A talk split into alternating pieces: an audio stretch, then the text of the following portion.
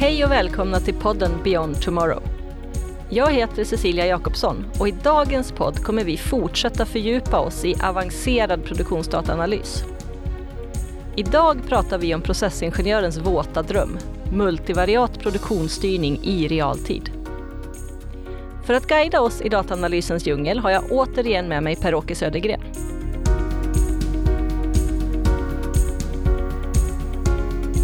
Per-Åke, välkommen tillbaka till podden. Tack, kul att vara tillbaka. Förra gången vi såg så pratade vi generellt om avancerad dataanalys. Och du berättade om att det är din bakgrund som processingenjör som får dig att brinna för just det här. Hur är det med multivariata verktyg? Vad har du för relation till dem?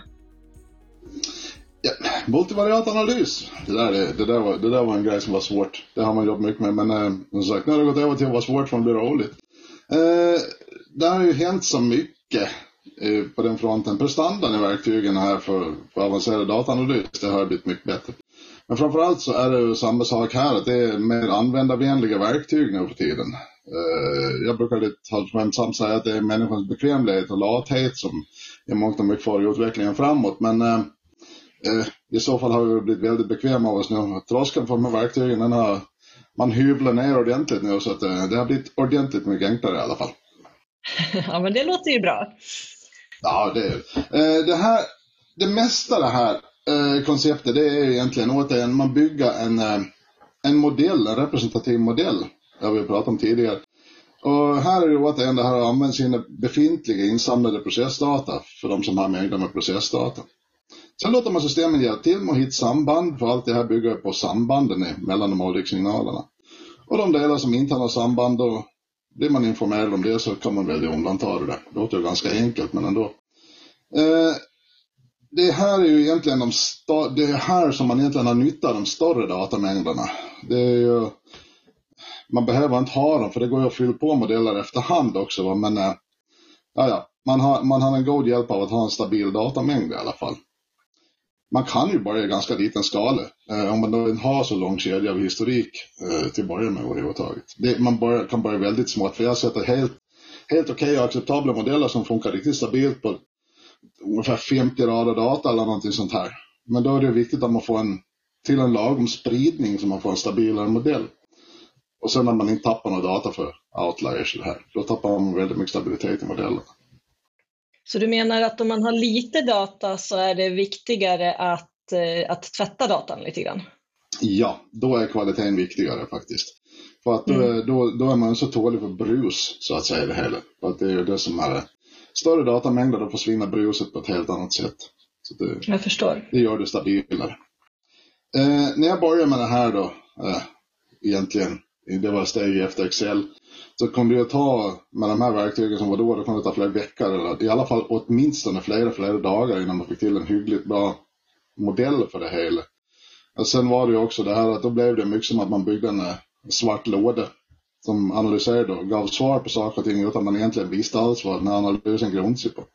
Då blev det väldigt lätt att man faller tillbaka till gamla synder och tar till Excel igen. För det, den, eh, liksom, den kan man ju i alla fall se, den tyckte man i alla fall att man såg tydligare var, även om det är ett klenare verktyg i det hela. Ja, men för när jag jobbade med multivariat analys för också börjar bli ganska många år sedan, då var det väldigt mycket statistik och jag upplevde det som väldigt krångligt och förstod väl inte riktigt själv vad det, vad det var jag gjorde egentligen. Men du menar att det inte behöver vara så? Nej, det är eh, alltså i och med verktygens, verktygens förbättring så, att säga, så är det faktiskt mycket enklare idag. Man kan ju egentligen göra det enkelt för sig. Bara den här början liksom, det är inte så farligt. Man kan ta ett steg in i det här för nu använder man sig mycket av wizards och guider och saker och ting för, för att komma in i det hela. Det räcker faktiskt oftast väldigt långt på vägen. Uh, I alla fall tillräckligt långt för att man ska kunna få en riktigt bra idé om vad det är som skulle kunna vara möjligt att göra. Man får, man får väldigt mycket dessutom visualiserat för sig vad, vad, hur den tolkar sambanden och vad sambanden är mellan de olika insignalerna i det här. Och det är ju så, nyckeln i alltihop det här det är att hitta sambanden mellan de här olika ingående process och kvalitetsvariablerna. Och hur man ska använda dem där för att få, få till det så bra som möjligt. Men eh, alltså det man ju egentligen i huvudsaken är ute efter här, det är det, de huvudämnena man egentligen ägnar sig åt, det är hur det ser ut just nu i min process, hur mår den? Eh, om, man, eh, om man hamnar helt plötsligt en dag i ett processläge som Eh, inte riktigt är bekant, det är inte riktigt okej. Okay. Man vet ju hur det ser ut normalt sett, men just idag så ser den annorlunda ut. Då har man sin modell och sen jämför man med den nya datamängden för idag. Och sen liksom, då kan man få en ganska bra bild av vad det är som avviker i fallande skala. Så det, det, är ju, det är ju en av grejerna man använder det till. Det är det då. Sen framförallt så är det det här klassiska hur det skiljer sig just nu från det riktigt optimala läget, det som man då vill verkligen uppnå. Det som man drömsituationen då riktigt. Och sen är det ju då, vad behöver jag skruva på? Vad behöver, vilka parametrar behöver vi justera för att få komma tillbaka och skruva på för att komma tillbaka till optimala läget igen? Ja, men för det är ju just det där, det, just det där Per-Åke som, som jag upplevde som väldigt förvirrande när jag jobbade med multivariata metoder en gång i tiden. För att många gånger så fick man ju ett svar utav modellen på att skruva på, på parameter X. Men, men eh, all min erfarenhet sa att parameter X har ingenting med det här att göra och, och det var väldigt svårt då att, att förstå de här sambanden. Men du menar att man i dagens verktyg får en bättre eh, förståelse också för varför modellen gör de rekommendationer de gör? Ja, för det är ju så att eh, variabel x är oftast beroende av en annan variabel som är beroende av en tredje variabel. Så att det är ju det här beryktade fiskstimmet jag pratade om en gång här. Eh, det är ju eh, vem beror på vem som beror på vem. Så att eh, man, får en, man får en hyggligt bra bild av liksom vad, hur, det, hur hela koket ska liksom, för, åt vilket håll du ska liksom knuffa fiskstimmet för att du ska komma åt rätt håll så att säga det, det, har blivit mycket bättre. För det är det här tillbaka till den här svarta lådan som man tyckte man byggde multivariata modeller tidigare. Det är, det är ganska mycket förbi känns det som i dagens läge. För det, det har blivit mycket, mycket lättare faktiskt. Ja, men och då upplever man kanske också en större mån av kontroll när man förstår varför man får de rekommendationer man får och, och behöver göra det som, som behöver justeras egentligen. Mm, ja, absolut. Det är ju det som är grejen. Alltså, det, det, att få en rekommendation utan att få en motivering till varför, det, det är liksom lite så här. Det, blir, det blir lite så, för då känns det liksom som att man har inte kontroll över situationen själv. Ja, det var ju precis så jag upplevde det en gång i tiden. Så att kan man få, kan man få förklaringsmodeller och, och fortsätta känna att jag är i kontroll över min process, men att det här är ett verktyg, så låter ju det fantastiskt. Ja, absolut. Det, annars, annars är det bara en, en illusion av att man har kontroll. Och mm. det, det, är ju inte så särskilt kul om jag säger så. Ja, sen finns det ju fortsättningen på det hela. Det är ju liksom, man kan ju med, med modellens hjälp då eh, bedöma om det, om det i alla fall i teorin, eller som i det här fallet blir det väldigt matematiskt, för det är en, det är en fruktansvärt matematisk tung modell det här. Eh, där kan man ju liksom få reda på om det i alla fall i den är möjligt att nå annat önskat läge eller en kvalitet eller produkt. För det här är ju en del i, det är en ack så viktig del i produktutveckling också. Och det bygger hela tiden på att man använder de gamla naturliga variationerna eller naturliga eller påkallade variationerna i en process för att då, då har man ju lite grunddata till idag, det där såg bra ut, det där ska vi vilja tillbaks till. Så det kan man, eh, det kan man ju använda de här systemen till också. För liksom, är det möjligt att komma dit igen och ligga stabilt där. Ja, det är ju en, en jätteintressant applikation. Men jag måste ändå, jag måste ändå få loopa tillbaka. Du, du nämnde att, att även du, vilket känns bra, landade i Excel många gånger förr i tiden. För, för det är ju även min, min erfarenhet att det här var jätteintressant och det var kul att hålla på med, men, men i slutändan så ah, det var enklare att jobba i Excel. Men då fick man ju inte heller riktigt ut vad man, vad man ville ha. Allt det här som du pratar om nu, det, det var svårt att uppnå. Ja, ja det, det, det är ju så. Excel, Excel det blir ett begränsat antal dimensioner. Uh, två, alltså två dimensioner egentligen som man kan säga. Uh, det är lite grann som att säga ett XY-diagram. Uh, eh, det är ju stabilt i många lägen. Det räcker, det räcker ju ibland, ibland va. Men om, man då, om man då kommer i det här läget där du har många variationer och variabler som i sig själva är beroende av varann. Då blir det väldigt, väldigt svårt. för att om du har många variationer och variabler med synsamband, det är alltid bättre träffsäkerhet också, för då är det liksom eh, det är fiskstimmet igen. Eh, för processen, det är ju faktiskt lite av ett levande väsen. Ja, det, det där, det, det, ja, jag är lite nördig där, men eh, det är det är så. Jag är processnörd. Födsel och hejdad vana. Jag ber om ursäkt för det. men det här med att styra mot optimalt tillstånd till exempel, det där, eh, det är ju så, återigen tillbaka till, man har, många har en väldig massa historisk processdata, och kvalitetsdata, vi ska inte glömma kvalitetsdata. Och det är ju här allt det här egentligen finns. Här finns ju facit, det gäller bara att knäcka den här för att liksom hitta sambanden mellan dem. För det är ju väldigt, väldigt ofta så har man ju av, med mening eller av, eh, ja, halvmisstag träffa en sån här punkt som man sen till slut upptäcker att det här var ju faktiskt riktigt bra. Kan vi hitta dit igen? Och då, i dagens läge när man då kör mycket av det här mot realtidsdata, så, så får man ju en bra visualisering av var man befinner sig. Det är som en piltavla om man ser framför sig, en del av de här. Och då ser man var man befinner sig i förhållande mot vart man vill. Och eftersom man ändå får förslag då på vilka, vilka parametrar och variabler det är som avviker ifrån det optimala läget så ger det en ganska bra idé för en erfaren operatör att ta sig tillbaka dit. För det här online-verktygen är ju eh, ett väldigt gott operatörshjälpmedel dessutom. För att, för att hålla sig på rätt, i rätt ring i piltavlan så att säga. Det där är ju superintressant. Eh, som jag minns det, när, jag jobbade med den här typen av tekniker så var det väldigt mycket forskningsavdelningar och produktutveckling och kanske till viss del processutveckling, men, men, men långt ifrån operatörsgolvet vi jobbade med det. Det har alltså närmat sig in i operatörens vardag idag det är jättenära operatören. Uh, så det, det, om man säger det själva utredningsdelen och analysdelen är ju till stor del ingenjörsdelen som håller på med. Men eh, onlineverktygen de är ju ett eh, oerhört bra verktyg för operatören att hjälpa till. Det, det, eftersom den är, de har blivit så pass mycket bättre och så mycket tydligare liksom. Operatören har ju en bra koll på om det här, den här delen av processflödet ligger åt det här hållet, hur förskjuter jag det åt andra hållet? Va? För där, där, där kommer den logiska delen in i det hela. Det är inte säkert att du ska skruva just på den här här borta, utan du måste kanske ge dig bort i andra änden av processen och börja förändra där. Så ja, det är absolut ett jättebra operatör, operatörshjälpmedel idag.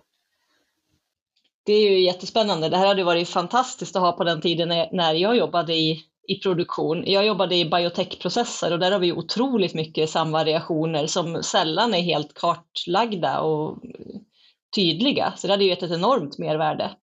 Men vad ser du att, att man kan använda det här till ytterligare? Du har ju pratat om en, ett par olika applikationer, men har du någonting mer som du träffar på ute i, i industri-Sverige idag? Jo, det här, alltså jag säger, nu, nu är jag insnöad på det här, så jag säger bara en massa bra saker man kan göra här. Eh, det finns ju väldigt ofta önskemål och krav, framförallt börjar mycket komma krav på det här nu, till, till exempel optimera energikonsumtioner i processen.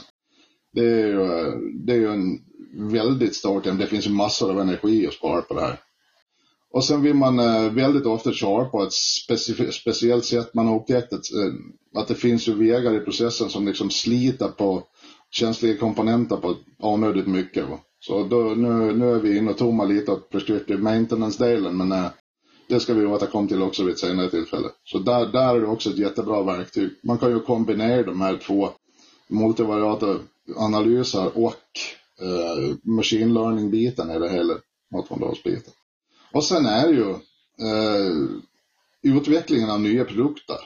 Och eh, då kan, det är som jag sa då, man använder sig av de variationerna som man liksom har i sin databank för att få en bra känsla av att vilket håll man ska dra sig för att få ut det här i slutändan. I, i kvalitet eller någonting sådär, eller en helt annan produkt. Det är ju superspännande, men, men jag blir lite skeptisk också. Jag har hört lite för många sales pitchar på det här genom, genom alla år. Kan inte du berätta om något, liksom, något verkligt jobb där, där du har använt det här och, och vad som hände där? Absolut. Eh, jag har ju också i mitt liv som processingenjör hört eh, fantastiska maskiner, den magiska lådan som någon kommer att ställa upp i det, som kommer att lösa alla dina problem. Men eh, Eh, jag är som processmänniska normalt sett skeptisk till det här. Eh, men eh, det här har blivit lite av ett omvändelse för min del eftersom jag nu har fått sett vad de nya moderna, moderna grejerna gör då så att säga. Jag har ju varit en stor del i ett riktigt häftigt projekt där man använder sig av det här systemet just i, för den här online-analysen. Och den var ju ett av huvudmålen att förutspå eh, nyckelanalyser och nyckelparametrar genom analysdatan. Eh, genom att skapa, skapa en modell som på, om vi nu delar upp den här eh, i två dimensioner, så på x-axeln eller x-parametrarna är processparametrarna. Och eh, på y-sidan så använder vi kvalitetsvariablerna. Och utifrån de här sambanden då, och massvis, i det här fallet hade vi ganska mycket bakgrundsdata, så lyckas man skapa sig en eh, riktigt stabil modell där man eh, med hjälp av processparametrarna och lite andra ingående saker, det ingående kvaliteter, på ett riktigt bra sätt lyckas eh, förutspå eller ge en prognos på sina kvalitetsvariabler, i variablerna. Så man bygger ett dataset av kvalitetsvariabler. Egentligen, det låter enkelt. Man tar kvalitetsvariablerna och sen eh, från de olika tidpunkterna för provtagningarna så tar man de processvariabler som motsvarar dem. Eh, och så slår man ihop det till, en, till två stycken stora tabeller. Nu är det ju så att det här, här kommer vi in på en litet annat problem. Mycket analyser ligger ju ganska långt fram i tiden. Det är tidsförskjutningar eh, mellan processen och analysen. Här, här kan det förekomma till exempel våtkemiska analyser och de tar ju längre tid än eh, röntgen och diffraktometeranalyser och sånt här. Men eh, sammanslaget i det här eh, så byggdes det en modell som vi la ut för analys, en deployment som heter för realtidsdata. Och eh, den gav faktiskt riktigt bra, riktigt, riktigt bra förslag på analysdata. Och då lagras ju den i det här systemets egen eh, historia. Det är en historiandel i den med. Och sen när man vill utvärdera den här så lägger man dem på varandra. Då tar man de verkliga värdena som sen kommer in tidsnog. Och eftersom vi nu har byggt in tidslagget i den här, så den tar hänsyn till det, så la man de kurvorna på varandra och kunde jämföra dem. Direkt, rakt upp och ner. Man fick ju analyssvaren på det skiftet där, men eh, det kan vara mellan 2 och 15 timmar ungefär sådär. Och det, det var riktigt, riktigt bra resultat. Och det var ändå ett ganska kort, eh, en kort tid vi byggde den här på. Grundmodellen eh, med igångkörning av system och allting och grundmodellen hade vi igång på mindre än en vecka. Så att det Oj. är faktiskt riktigt fantastiskt. Men och ni fick alltså då en, en modell som beroende på vilka kvalitetsdata man valde att styra på rekommenderade processparametrar? Det är den andra vändningen på det, det kan man också göra. Eh, I det här fallet så utgick man ifrån eh, processparametrarna och fick en prognos på vilken kvalitet kommer att komma ut ifrån det här. Och då blir det ju indirekt så att okej, okay, det här blev inte riktigt åt rätt håll så då knuffar vi processen lite åt det här hållet för att komma dit. Och så det blev, det blev ju också i två riktningar. Man får en prognos på redan nu att det här ser riktigt bra ut, här kommer du att få den här kvaliteten. Är det så att den inte är riktigt hundraprocentig så kan du alltid knuffa processen åt ett håll för att uppnå det du vill. Det, det låter väldigt enkelt, eller? Va? Det låter superenkelt och jätteintressant. Jag misstänker att det ligger en hel del processkunskap bakom det här också naturligtvis. Men det är ju ett väldigt intressant sätt att använda produktionsdatan på. Ja, här är vi tillbaka till återigen det här att eh, det är ju, det är ju som, som vi jobbar i de här projekten. Eh, det är ju mycket kunden, eller de ute på fabriken, det är deras erfarenhet som kommer in mycket. Det här dem, eh, vilket relevant data, vad, vilket, vad är representativt till stor del. Mm. Mm. När, man, när man bygger de här modellerna. Så det är ju, här är ju Uh, återigen det där magiska som uppstår när man kombinerar en applikation med en massa, massa människans erfarenhet så att säga. Då händer det mycket. I det här fallet är det dock lite mer lut emot applikationen eftersom det är så pass komplexa samband i det hela så att det är svårt att eh, liksom tänka sig hela kedjan så här så att där, där, där blir det ett samarbete kan man säga mer mellan människans erfarenhet och applikationen. Och det är ju faktiskt fascinerande att det finns den typen av applikationer idag. Och jag håller helt med dig om att det finns ju en enorm potential för att använda den här typen av applikationer för att optimera alla möjliga typer av processer. Och om verktygen dessutom idag har blivit så enkla som du beskriver så ja, det finns ju alla förutsättningar för att nyttja det här i framtiden. Absolut, det gör det.